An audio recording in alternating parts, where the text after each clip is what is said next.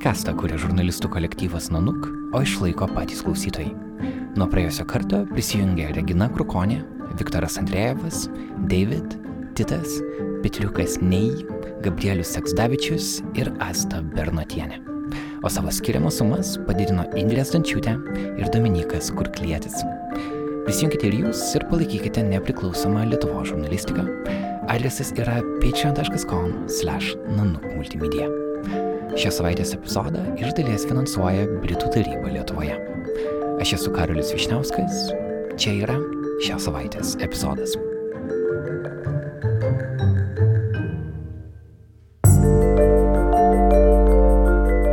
Aš pagalvojau, kad gal mano didžiausia baimė tai yra būti nereikalingai, nes aš perskaičiau Hararė knygą 21 pamoka 21 amžiuje nu, ir nu, labai man baisu pasidarė, nes nu, jis kaip ir sako, kad žmogus ateityje turės labai persikvalifikuoti ir aš bijau, kad aš nu, tiesiog negalėsiu daryti tai, ką aš noriu.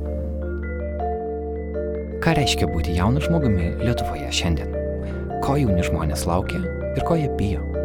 Ir kaip Lietuva mato moksleiviai užaugę su skirtingomis etninėmis tapatybėmis? Aš ėjau į futbolo būrelį ir ten buvo tik lietuviai, mes su draugu buvo nu, iš rusiškos mokyklos, aš pas Lenkas. Tai susidurėm to, su tokia problema, kad e, visi sako rusai, rusai, lenkai. Čia buvo toks košmaras.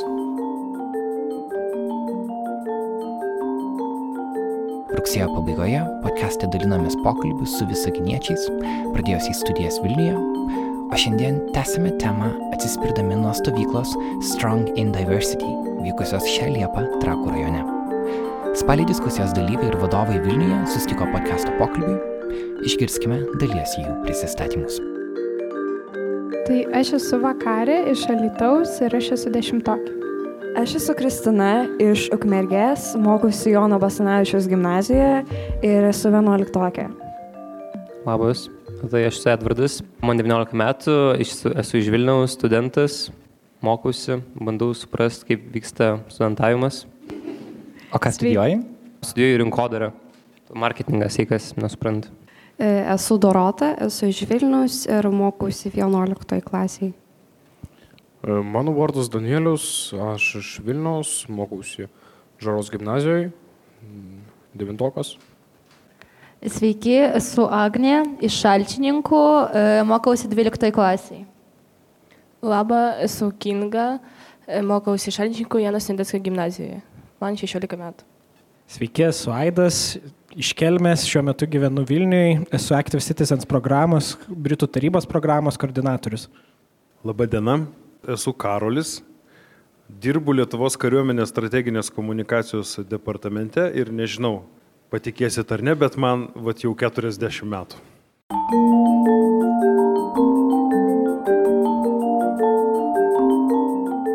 Pokalbį suskirstėme į tris dalis. Pirmojoje kalbėjomės apie skirtingas etninės tapatybės ir kokius klausimus jos atneša. Antrojoje pirmą kartą podcast'e palėtėme kariuomenės ir privalome šaukimo į karinę tarnybą temą. Ką apie tai mano moksleiviai, ar jie to laukia, ar jie to bijo. O galiausiai viską užbaigėme moksleivių viltimis ir baimėmis. Tai yra reta ir autentiška galimybė pažinti jauną šiandienos Lietuvo žmogų. Mes džiaugiamės galėdami su jumis tuo pasidalinti. Diskusija buvo redaguota vardant trumpumo ir aiškumo. Linkime jums gero klausimo.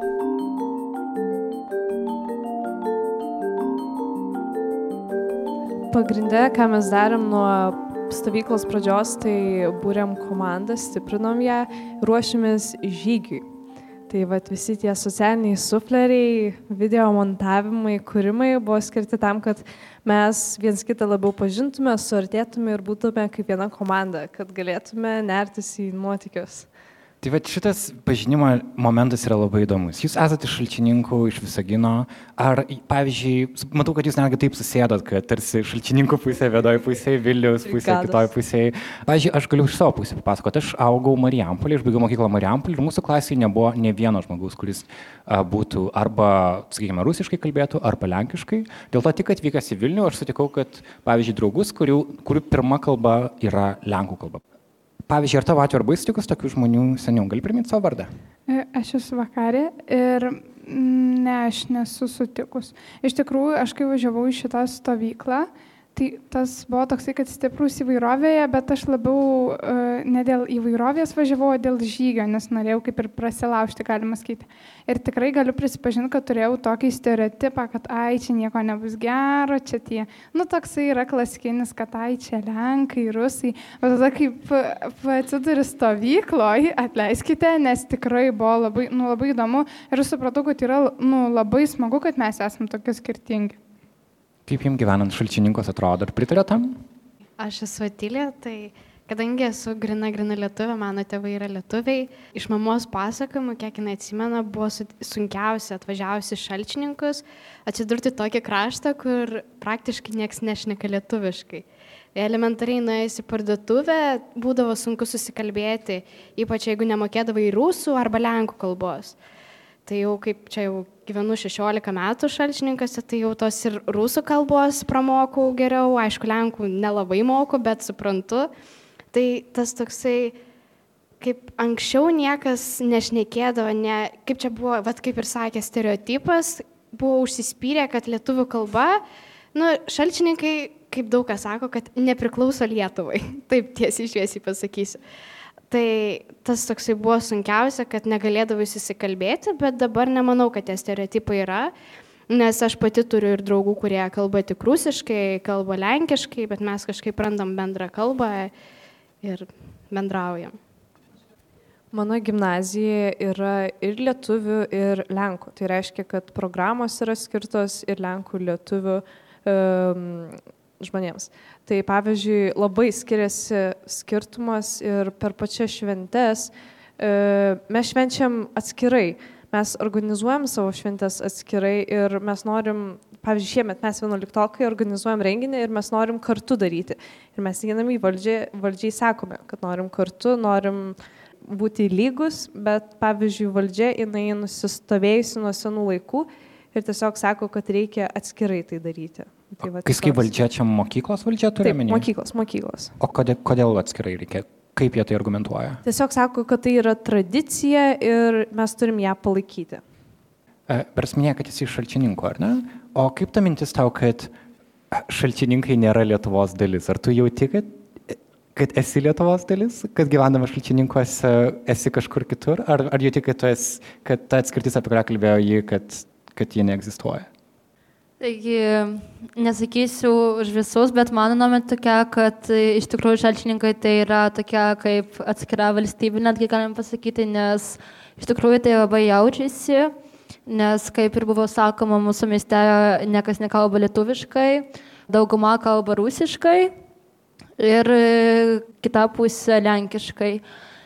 Netgi mūsų mokykloje galima irgi pajausti šitą skirtumą nes e, kai mes Lenkų mokykloje daug irgi yra projektų Lenkijoje, o pavyzdžiui, e, Lietuvų mokykloje tokių projektų neskiriama.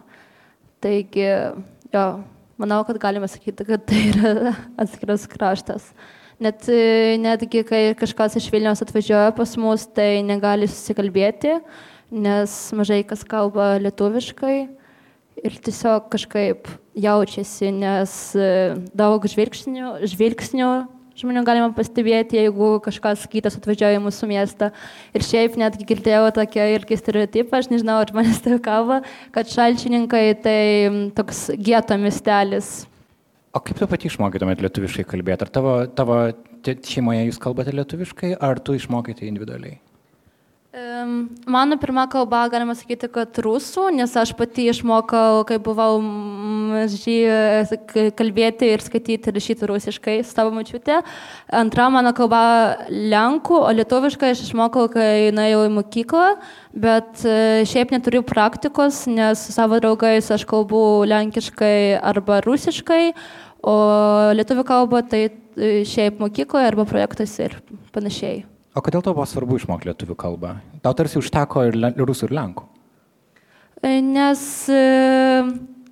mūsų mieste gal nereikia lietuvių kalbos, bet kai tu važiuoji, pavyzdžiui, į Kauną, į Vilnių, tai tau vis tiek reikia kažkaip komunikuoti su kitais ir aš manau, kad lietuvių kalba reikalinga kiekvienam, kas gyvena Lietuvoje.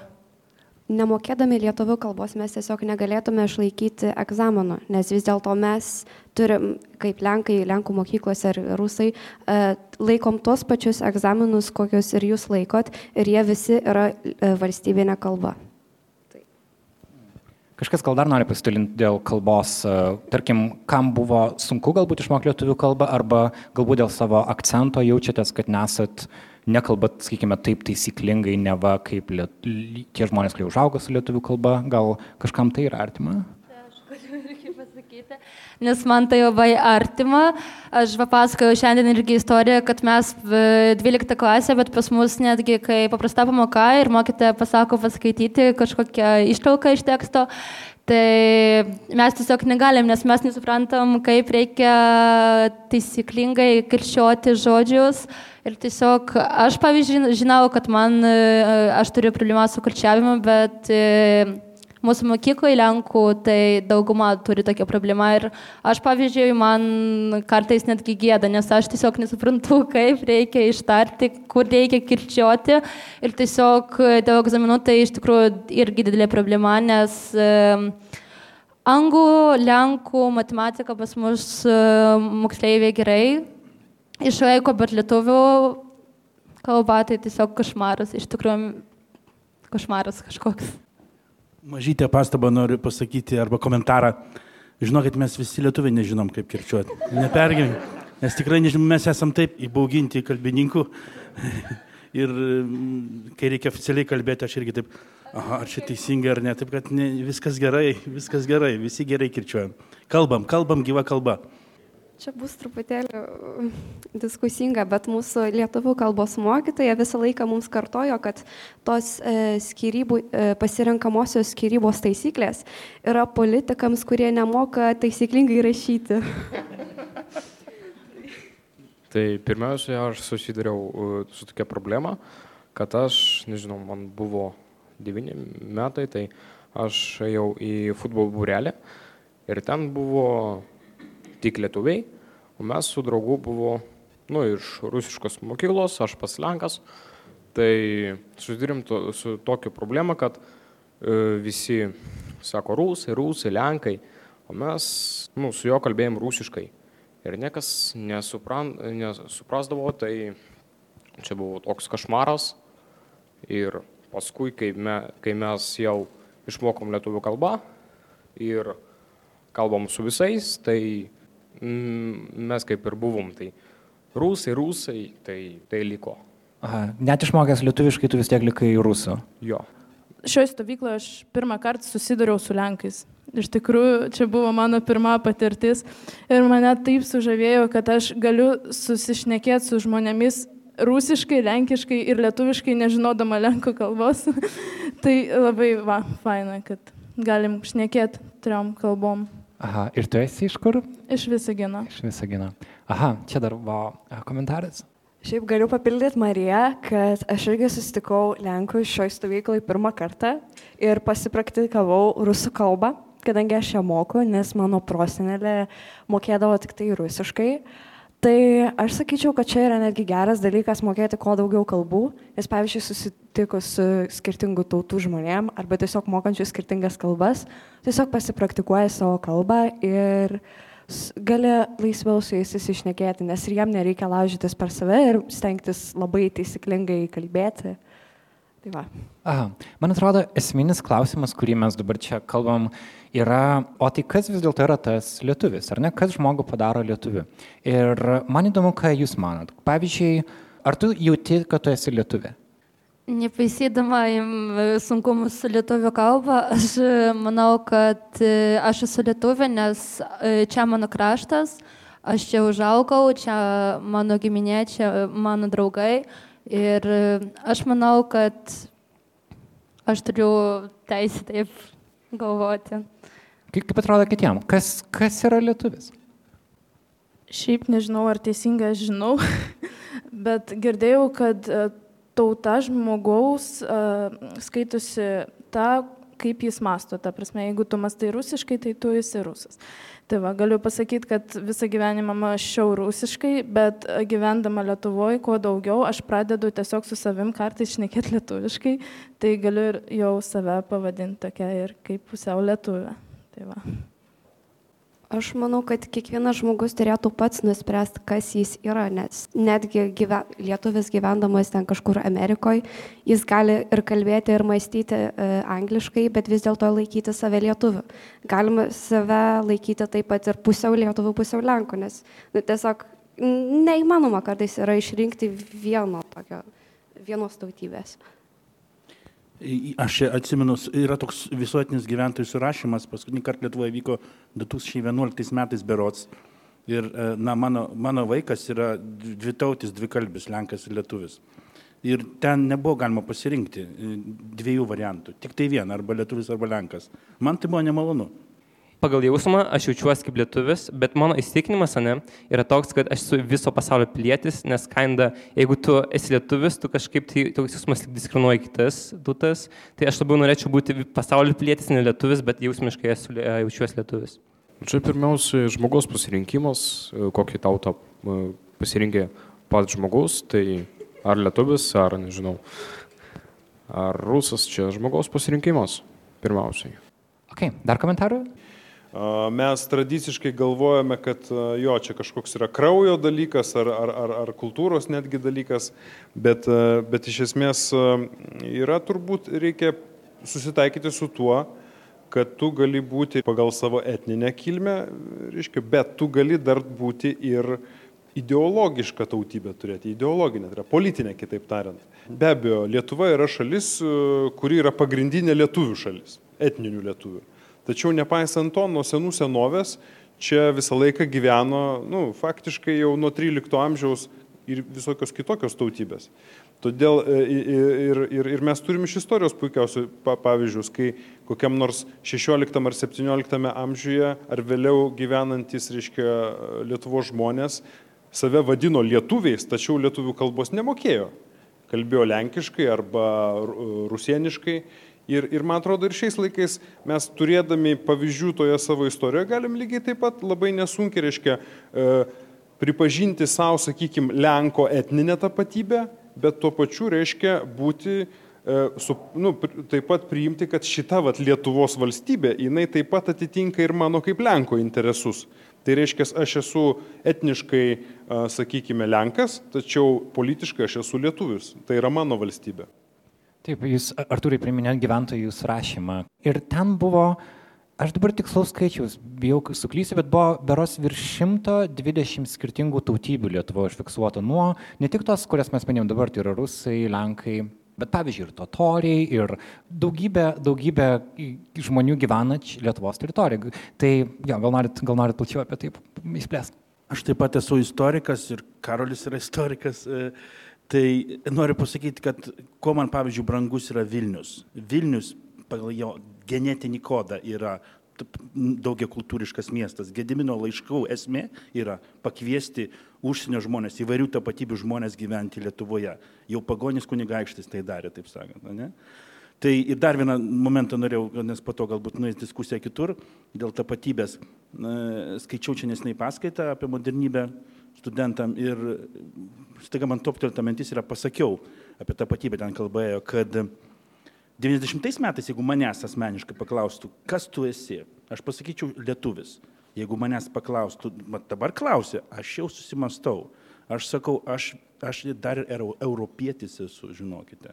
Man labai svarbu, kad, reiškia, yra ta europietiška dimensija mano, mano tapatybės. Aišku, aš lietuvis esu, nors etniškai, kraujiškai, kaip čia, sakant, tikrai ne žemaitis ir, ir lenkas ten ir dar kažkoks mišinys, bet, bet, bet tas europietiška dimensija man svarbi. Europą aš turiu menį tam tikras vertybės. Visų pirma, labai paprasta vertybė - žmogaus laisvės vertybė, žmogaus, žmogaus teisų vertybė.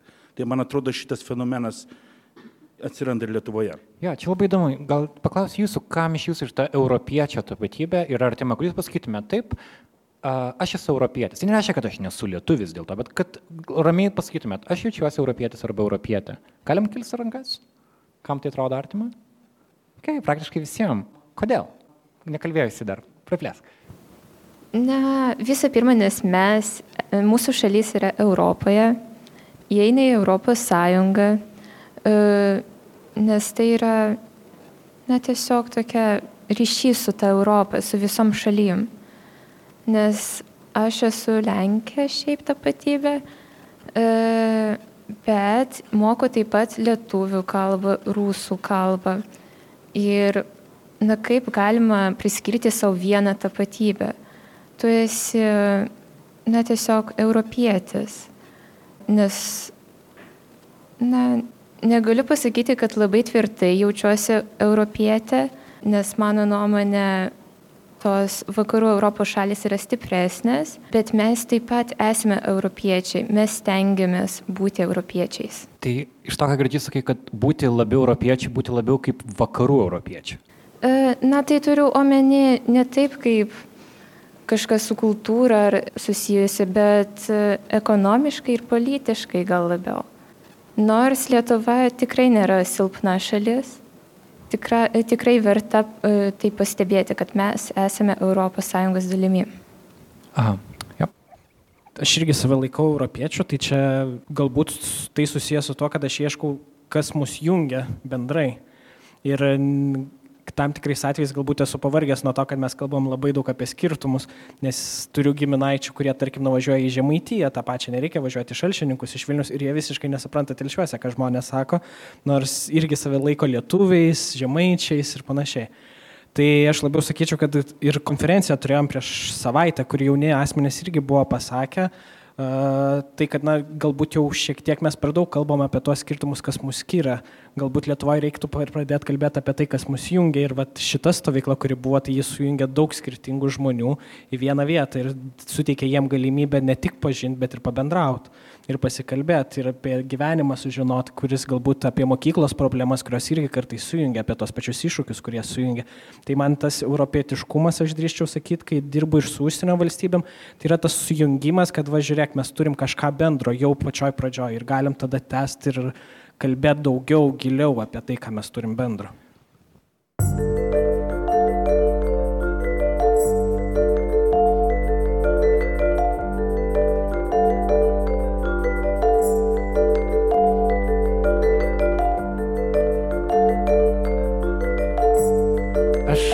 Dar specifiškai dėl vaikinų čia esančių, nes jūs dar turėsit papildomą, papildomą galimybę. Tai yra, kad kiekvienas vaikinas iki 26 metų Lietuvoje dalyvauja šaukimo į kariuomenę, kariuomenę nežinau, ar tai galima vadinti loteriją, bet iš esmės yra, yra dalis jūsų galimai bus pašaukiami į kariuomenę. Kaip jūs tai verčia jaustis? Jeigu jūs galbūt būtumėt pašaukti į Lietuvos kariuomenę, kaip jūs į tai reaguotumėt? Kai sužinau šitą žinią, kad e, gali būti, kad jeigu nestudijuosiu niekur, bus, būsiu pašauktas, tai mes labai su savo klasiokais diskutavom apie tai. Bet aš labiau būčiau norėjęs eiti kaip savanoris, o ne kaip šauktinis. Nes nu, man kažkaip visą laiką būdavo, kad aš jeigu galiu rinktis, tai tą pas geriau pasirinksiu. Tai aš gal net būčiau už, jeigu nebūčiau žinojęs, kad noriu studijuoti, kur, kur dabar studijuoju. Aš matau pliusų ir minusų, jeigu nekviestų, tu ne apskritai dalyvauti tuose kaip ir toj kariuomeniai. Tai man labai trūksta disciplinos ir gaučiau labai gerų įgūdžių, ne?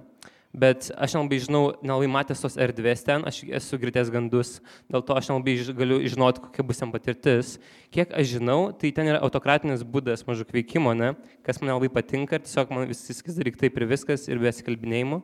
Ir tas mane labiausiai gazina, nes sakys daryk taip aš nieko negalėsiu padaryti ir sakys, tai jeigu būtų kažkoks demokratijos. Kai tau kažkas sako daryk taip, tu tyčia nenori to daryti priklauso. Jeigu, pavyzdžiui, aš ne taip, kad tiesiog esu tas tipo, anarchistas, ne?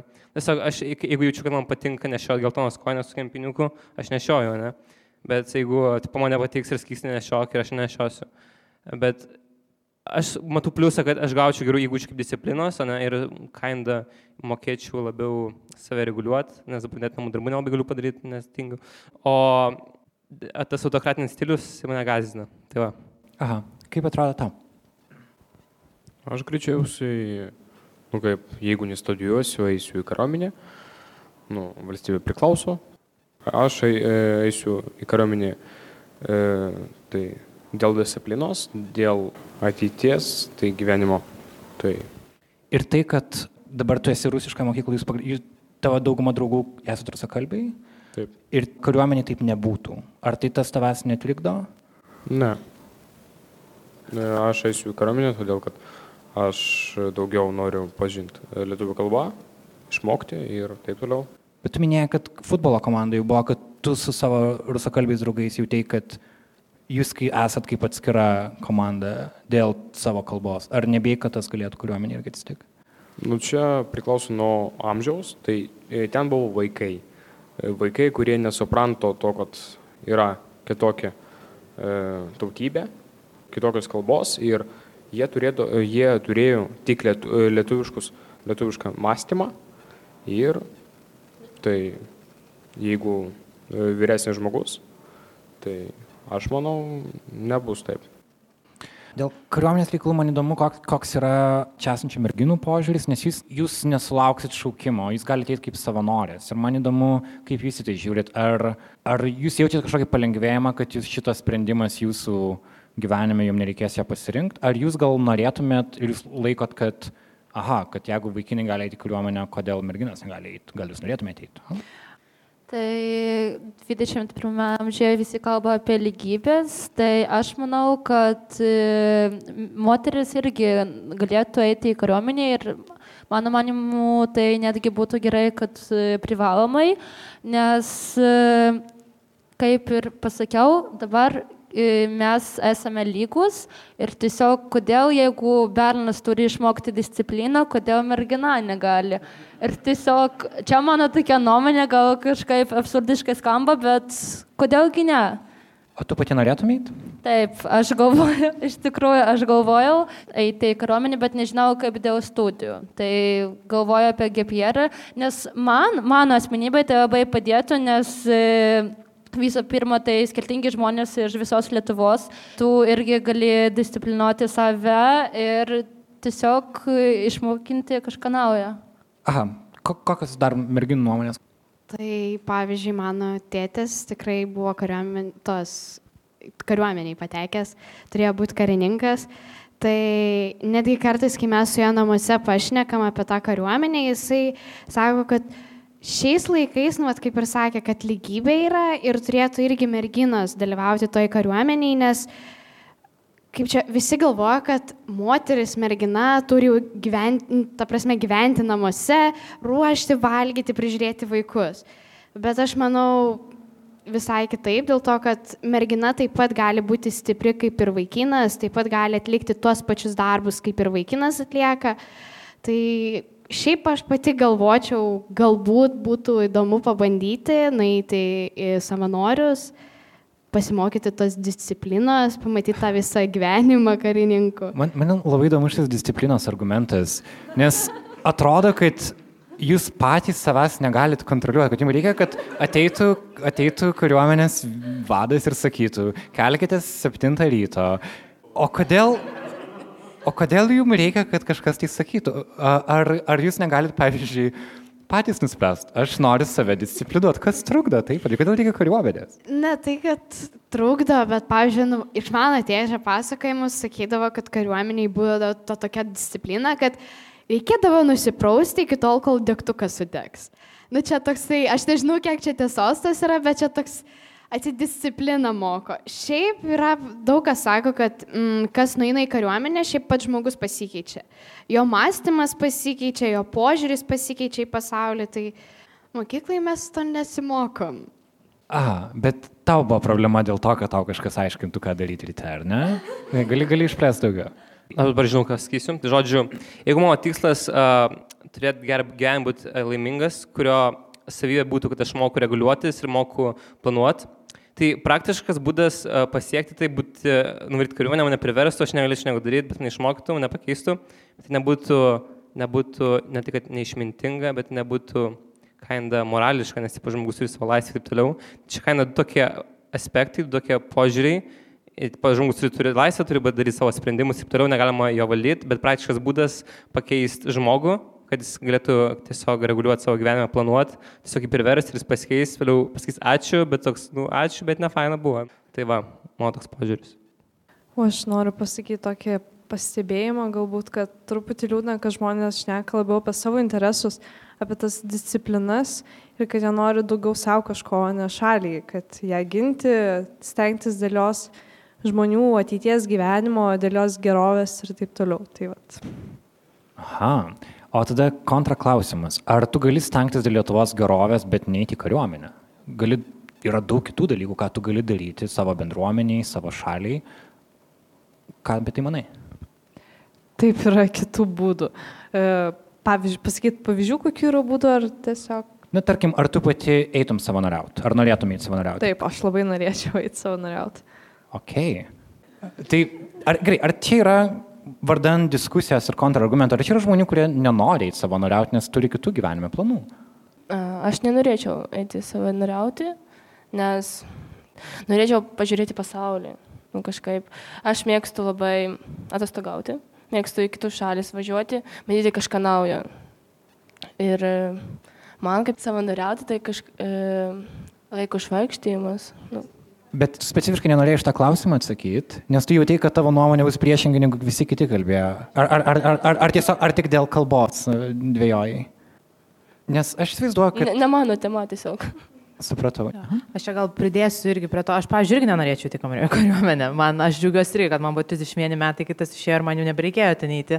Ir man atrodo, tas vat, požiūris, ką ir tu sakai, kad tu gali norėti, nenorėti, yra m, irgi tos stovyklos, mes labai užsifiksavom ant tų skirtumų dėl tautiškumo, bet ta žodis diversity, ar ne, anglų kalboje, tai yra skirtumai dėl labai daug skirtingų dalykų. Mes galim būti skirtingi dėl ne tik geografinių kalbų ar dar kažko, mes vieni studijuoja marketingą, kiti komunikaciją, kiti eina į teisę.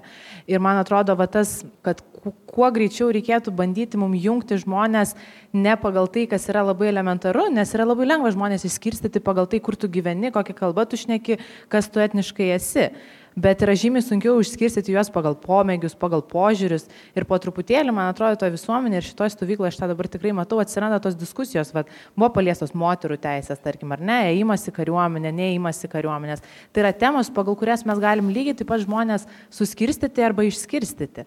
Ir, ir kas įvyko toje stovykloje, ką va iš šono mes matom ir žiūrim, kas man yra nu, nepaprastai smagu, kad tas skirstimas jis atsiranda staigiai ir tu kartais jo negali paaiškinti. O tautiškumą yra labai paprasta pastebėti ir tą labai lengva ant jo taip užsiciklinti.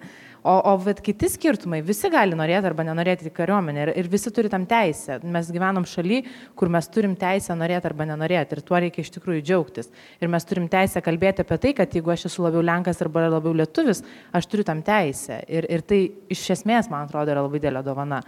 Ja, visiškai pritariu. Ir karoli, tik užbaigiant kariuomenės temą, aš įsivaizduočiau, kad turbūt geriausiai kariuomeniai jaučiasi tie žmonės, kurie tikrai ateina patys kaip savanoriai ir kurių, kurie nori ten eiti, kaip ir bet kur kitur gyvenime. Ir man įdomu, kokia yra situacija. Ar jums pakanka savanorių, ar tokių žmonių, pažiūrėjau, kaip Edvardas, kuris lyg ir nenorėtų, bet jeigu gautų šaukimą, nu tai jau nueitų, nes, nu, nes, nes, nes tokios tarsi taisyklės valstybėje dabar yra sukurtos. Ar tokių žmonių yra daug ir aš įsivaizduoju, kad su, su jais yra sunkiau, nes jie čia atėjo ne savo norų. Na, e, kaip žinote, e, šaukimas buvo sugražintas po to, kai saugumo situacija dramatiškai pasikeitė mūsų regione ir turbūt dauguma piliečių pajutė, kad kažkas negerai ir aplinkui vyksta. Ir tada per pirmosius šaukimus jokios bėdos nebuvo. Pilnai užteko savanorių iš esmės. Vėliau, žinoma, kai įtampa atslūgo, reiškia, ir ta, tas, tas jausmas truputėlį E, susilpnėjo, tai taip, dabar jau nebeužtenka savanorių, dabar e, pakankamai ryški dalis, bet tai yra mažiau negu pusė, reiškia, yra jau šaukimo būdu tiesiog pašaukiami, ne patys pasirenka. Tai iš esmės, ar žmogus jisai nori ateiti, reiškia, ties, dėl to, kad jisai grinai, racionaliai supranta, kad e, vis dėlto kažkas iš piliečių turi prisidėti prie, prie šalies, reiškia, saugumo užtikrinimo ir jisai, nu, vat, nu gerai, kas kitas jai neš, eisiu aš. Reiškia, kitas gali norėti nuotikių, reiškia, tiesiog, nes jisai žino, kad kur jisai pašaudys tenais iš automato, pavažinės už šaro, niekur, už jokius pinigus, reiškia. Tai tu gali eiti, reiškia, tu yra, nu, nu esi biškė avanturistas, nuotikių ieškotojas, gerai, prašom, mes įmam ir tokius. Reiškia, jeigu norite, norite disciplinos. Nori šautuvo, esi avanturistas. Nori šautuvo, reiškia, prašau, nori disciplinos, be jokios abejonės, aš, ir aš tų žmonės labai suprantu, aš, aš pats esu toksai. Kareivinių režime žymę, Aš labai puikiai, reiškia, gyvendavau dėl to, kad ten yra laikas keltis, yra laikas eiti valgyti. Kai aš jau esu savo paties priežiūroje, aš tada einu vėlai mėgoti, o keltis reikia anksti ir tada aš jau, žodžiu, įsisuku į tą. Ir tai irgi yra motyvas labai normalus, nes, nes tau, tave įmeta į sistemą ir, ir tu sistemoje tada į tau padeda, reiškia, būti disciplinuotu. Tų motivacijų gali būti vis, vis, visokiausių. Bet e, čia yra jau ta prievarta tam tikra, kuri, na, dėja yra, jinai yra, na, iš, ne iš gero gyvenimo. Tiesiog jeigu e, neužtenka savanorių, o tą skaičių užtikrinti reikia, tai tampa tiesiog e, piliečių ta tokia kaip prievolė. Bet iš esmės aš tai manau, kad visos bėdos yra iš to, reiškia, kad mes žiūrime kartais per siaurai problemas. Man labai patiko, buvo daugybė Europos šalių po šaltojo karo, kai tarsi pasaulis pasidarė nuostabus, jau jokių tokių apokaliptinių grėsmių nebegrėsė per visus 90-uosius, 2000-ųjų, reiškia, pradžioje. Labai daug šalių pradėjo mažinti kariuomenės ir atsisakyti šaukimo to privalomojo.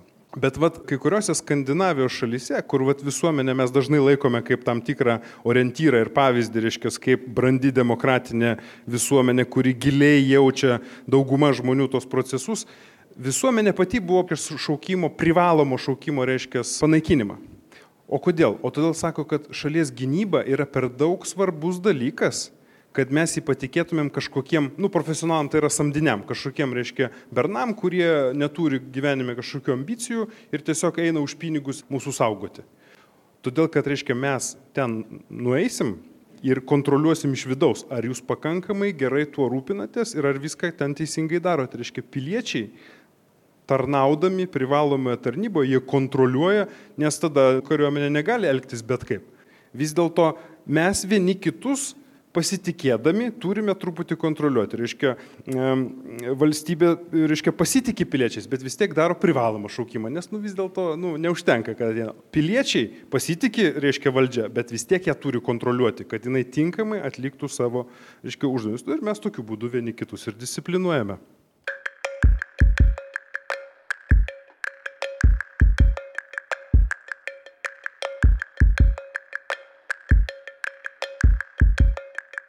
Ok, dėkui. Man norisi sužinoti, ką, ką jūs planuojate veikti toliau. Jūs esat labai talentingi žmonės, kurie anksčiau ir vėliau turės tuos pasirinkimus gyvenime priimti. Ar studijuoti, kur studijuoti, ar likti Lietuvoje, ar bandyti išvykti kažkur. Klausimas tada kur. Ar jūs galėtumėt pasidalinti tuo su, su mumis čia, su klausytojais? Jo, ką jūs planuojate veikti, ką jūs norėtumėt veikti, kokios, apie ką jūs svajojate? Tai aš mm, kaip jau ir minėjau, esu iš Alytaus ir aš tikrai, na, save labai laikau alytiškė ir tokia jau, nu, labai labai myliu savo miestą. Tai tikrai e, siesiu save su, nu, jei nepavyks su Alytum, tai bent jau su Lietuva tikrai, tikrai, nu, nenoriu išvažiuoti ir save matau politikos galbūt srityje arba, arba mm, kur nors, kur galėčiau padėti visuomeniai, nes na, man pačiai savanorystė yra labai labai svarbu. Aš pagalvoju, pasunkinti klausimą. Apie ką jūs svajojat, bet taip pat ir kokio dalyko jūs bijot ateityje? Labai geras klausimas. E, Kadangi aš užklupau tavęs už to klausimą nepasiruošęs, tu galėsi užbaigti, gerai? Tai aš savo ateitį iš tiesų matau su mokslais užsienyje. Ir tokia kaip ir svajonė, kuri aš manau, kad tikrai pavirs realybę, tai aš svajoju studijuoti Didžiojoje Britanijoje ir labiau krypstu į tarptautinį verslą. Tai vienas dalykas, kuris mane iš tikrųjų gazina, tai mane gazina palikti Lietuvą ir kažkaip tai palikti savo tėvus, palikti savo miestą ir išvažiuoti į aplinką, kurioje aš visiškai nieko nepažįstu, tai tai yra galbūt toksai dalykas, kuris labiausiai gazina. Bet aš manau, kad aš adaptuosiuos ir matau save būtent toj srity ir tikiuosi, kad man tai pavyks. Tiesiog yra toks dalykas, kad čia buvo pasakyta, kad tu bijai palikti tėvus ir pati emigruoti. O pas mane yra atvirkštinis dalykas. Mano tėvai šiuo metu nori emigruoti ir aš noriu likti čia. Jie nori mane išsivežti, studijuoti į užsienį ir aš labai priešinos. Ir aš bijau, kad daugelis tėvų gali taip mąstyti ir įtakoti savo vaikų ateitį ir kad Lietuva iš viso išbirės ir neliks čia e, išsilavinusių, protingų žmonių ir jie visi išsilakstys į kitas šalis. Bet šiaip, tai va, pati kaip sakiau, noriu likti čia savo ateitį, kur čia, šeimą sukur čia ir palikti kažką tai gražaus. O kodėl to taip svarbu būtent čia? Todėl, kad čia mano šalis ir aš jaučiuosi lietuvė ir nematau savęs kitur. Noriu savo gerą indėlį įdėti būtent saviem žmonėm, nes kiti, kitos šalis turi savo žmonės ir taip toliau. Tiesiog noriu būtent čia. Aha, ok, praleidom porą žmonių. Aš manau, savo ateitį tikrai susijusiu su gyvūnais biologiją, chemiją, taigi aš manau studijuoti Lietuvoje veterinariją, bet taip pat noriu išvykti į užsienį, studijuoti dar hipologiją. Tai yra mokslas apie žirgus. Ir aš noriu būti būtent tokia, na, e, veterinarė, kurie gydo būtent žirgus. Ir ko aš bijau? Aš taip pat kaip Kristina labai bijau palikti Lietuvą na tai būtų turbūt irgi tokia didžiausia baimė, bet taip pat, jeigu studijuosiu užsienyje, bijau, na, tos tokios, kad mane nepriims taip kaip savus dėl kalbos, būtent dėl tautybės. O kai jūs sakot, būsimiem pasakymam irgi, kad žinotumėm, tai kai jūs sakot, kad jūs išvyks Lietuvos, ar jūs tai manot kaip tokį jau baigtinį dalyką, jūs išvyksit ir, ir viskas, ar jūs planuojat anksčiau ar vėliau grįžti, nes Jeigu jūs planuojat grįžti, tai gal nėra tas išvykimas toks baisus tada.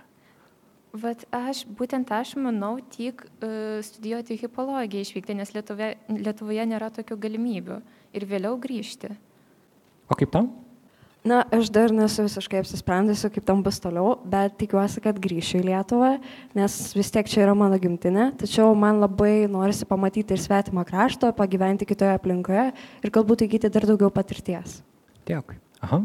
Kalbant apie viziją, tai mano pagrindinis tikslas dabar susikurti stabilų ekonominį, ekonominį pamatą, kad turėčiau pinigų, nes yra tokia idėja, kad pinigai daro tave laimingu.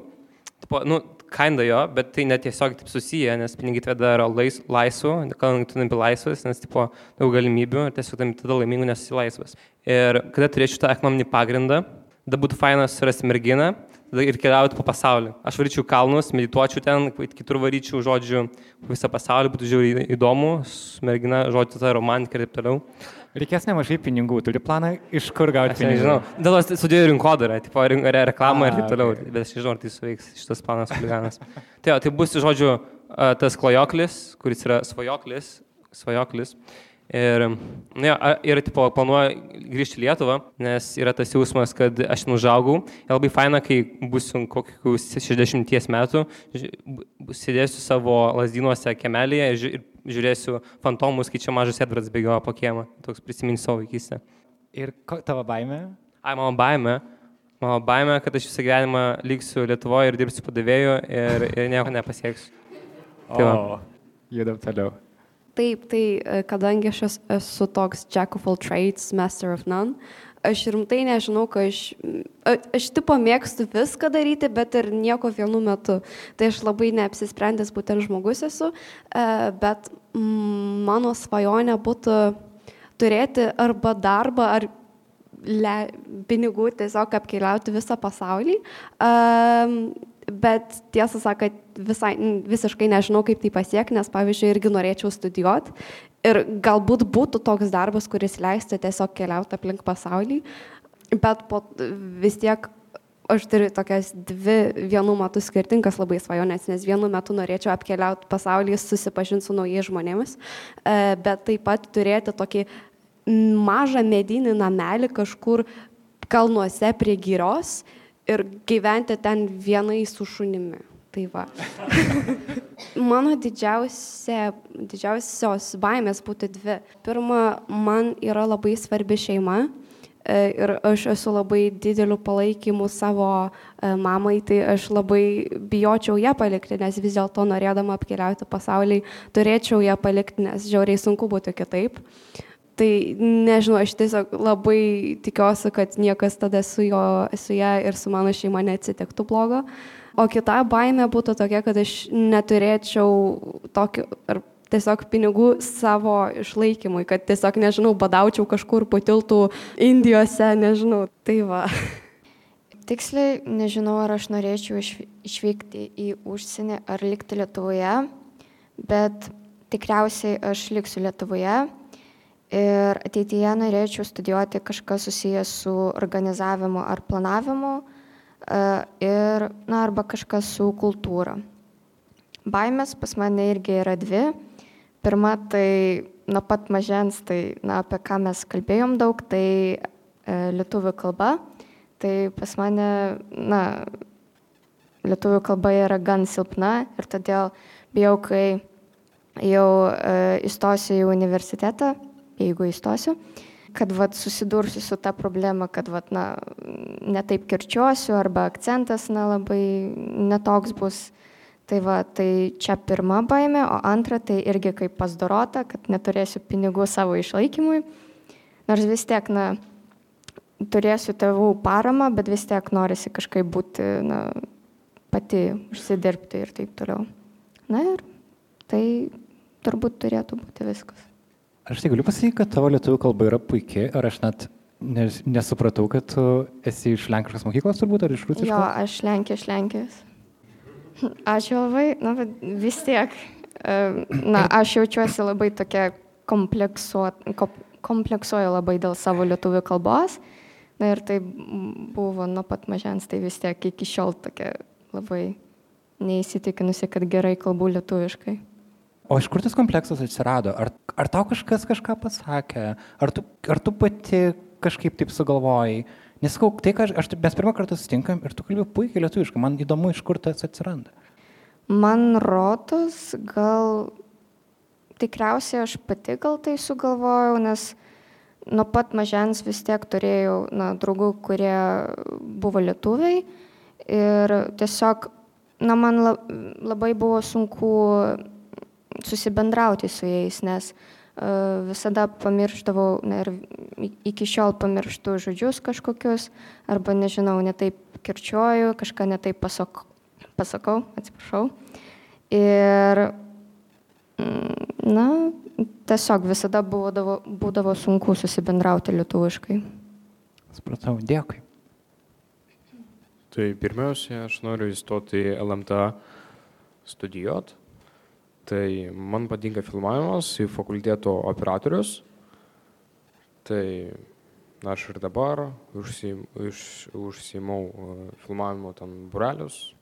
Nu kaip burelius, aš pats filmuoju, bet, e, pats montuoju, noriu uh, į užsienį dirbti, ar Vokietijoje, ar Norvegijoje. O aš nenoriu palikti Vilnių. Aš pats gyvenu Sinamestėje, Vilnius Sinamestėje. Ir toks grožis, toks nerealumas, vakarais einu pro gatvės, tai nepasakyti žodžiais, čia labai gražus miestas. Tai tavo baimė yra palikti Vilnių? Palikti Vilnius grožį. Taigi, aš jau nuo 8 klasės galvojau apie studijas, apie psichologijos studijas ir panoju E, išvykti į Olandiją ir tada grįžti į Lietuvą ir pabaigti stardėsės kursus ir dirbti stardėse, keliauti po pasaulį bei surasti čia darbą susijusiu su psichologija, nes e, aš iš tikrųjų labai myliu Lietuvą. Nemažai kur buvau ir kaip ir pasakė ponas, iš tikrųjų kai jūs pakeliausit arba jau supratot, kad iš tikrųjų Lietuva yra labai gražus e, šalis ir tiesiog reikia branginti ir Vilnių, ir mūsų šalį. Tai va. o, o tavo baimė? Mano baimė, kad aš neklausysiu savęs ir e, kad kiti žmonės įtakos į mano pasirinkimus. Čia mano didiausia. Didžiausia baimė mano čia. Taip. O, o kodėl psichologija? Visada mėgdavo, mėgdavo, man labai patikdavo stebėti žmonės nuo pat vaikystės ir visada kažkaip e, nemačiau save su kažko kompanija, netgi kai turėjau kažkokią ratą draugų, visada kažkaip iš šono stebėjau kitus. Ir kaip man jau sutapo man 12 metų, aš pradėjau skaityti įvairias knygas psichologi, apie psichologiją, psichologiškas. Ir tiesiog supratau, kad tai mano.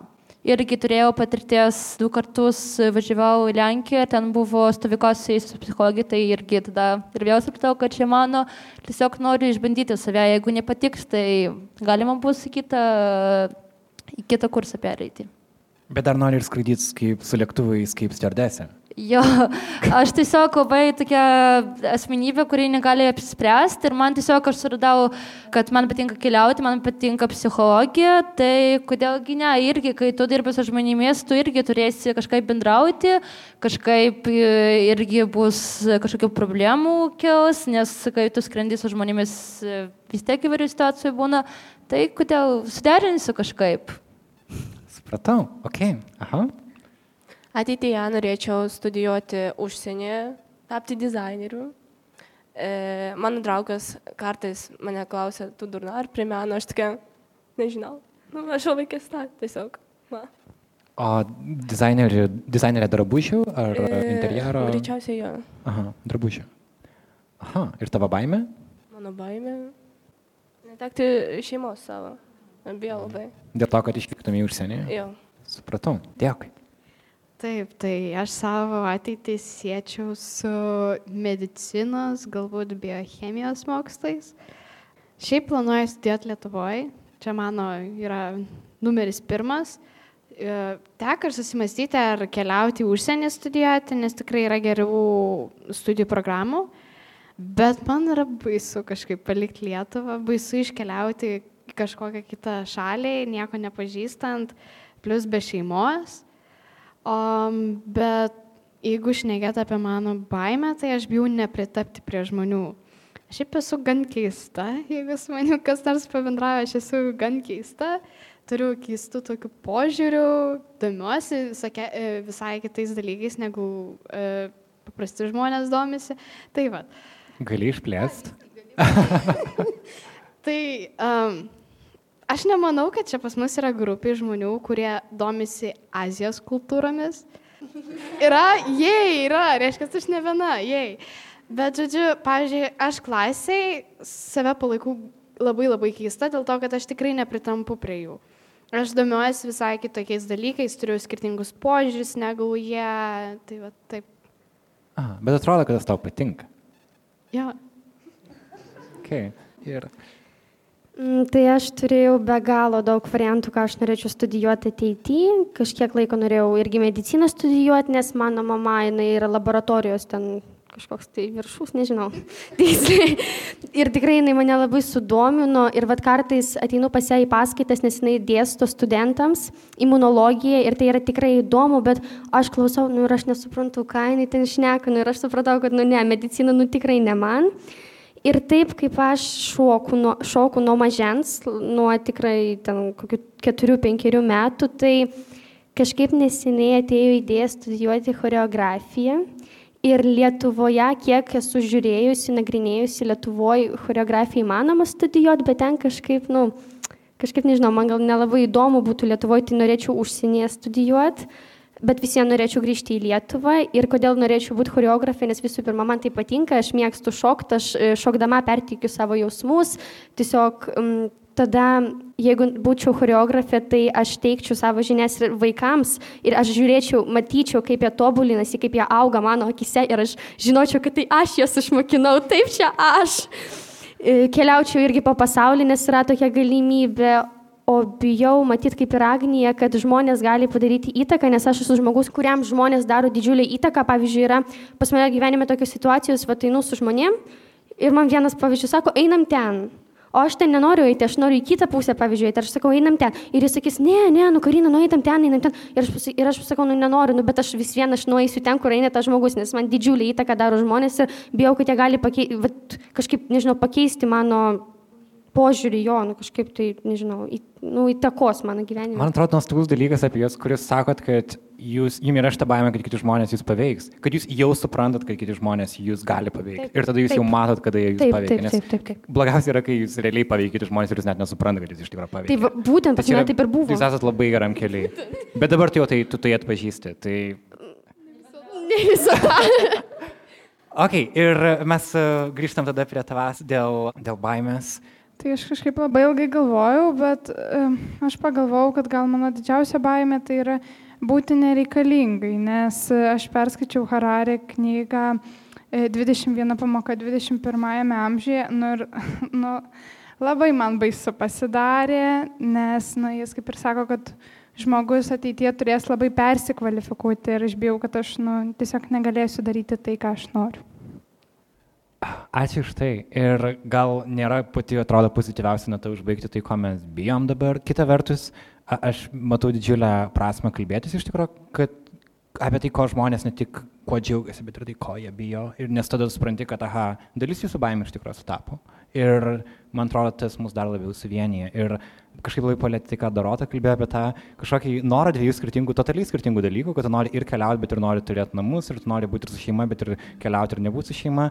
Tai čia va yra dalykas, kurio optimistiškai negaliu užbaigti, nes čia turbūt yra saugusio žmogaus kažkokia tragedija, kad tu nori skirtingų dalykų ir negali jų abiejų turėti ir turi daryti pasirinkimus. Bet jūs, manau, esate labai geram keliui į savęs kažkokį pažinimą ir tuos pasirinkimus jūs padarysit.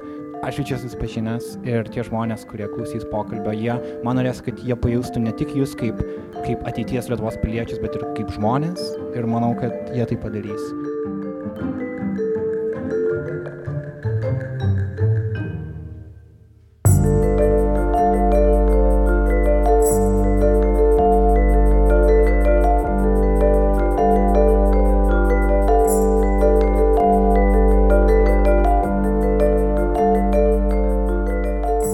mūsų epizodas šiandien.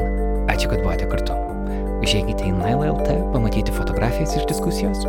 Jų autorius yra Artūras Morozovas. Diskusiją įrašė garso režisierė Aistė Baltraitytė. Ji taip pat dirba nacionalinės Martino Mašvito bibliotekos garso įrašų studijoje, kur įrašinėjame mano studijinį balsą.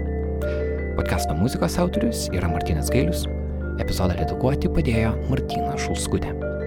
Atskiras ačiū Šilvinui Mažiekiui ir Pauliui Butkui už visą pagalbą rengiant epizodą ir pačią stovyklą. Jeigu jums pakeliui su Nanuk žurnalistika, primenu, kad visada galite prisijungti prie šiuo metu 440 žmonių, kurie palaiko mus per Patreon. Adresas yra patreon.com/nanuk multimedia. O šį epizodą taip pat finansavo ir Britų taryba, vieni iš stovyklos Strong in Diversity organizatorių. Kaip visada, parašykite mums į info.nanuk.lt apie tai, kas epizode patiko, o kas ne ir kokias naujas temas siūlytumėte ateičiai. Labai laukiame jūsų reakcijų ir ačiū už jas. Mano vardas yra Karolis Višniauskas, aš esu podcast'o vedėjas ir redaktorius. Nailo podcast'ą kuria žurnalistų kolektyvas Nanuk. Tiek kol kas, iki kito karto.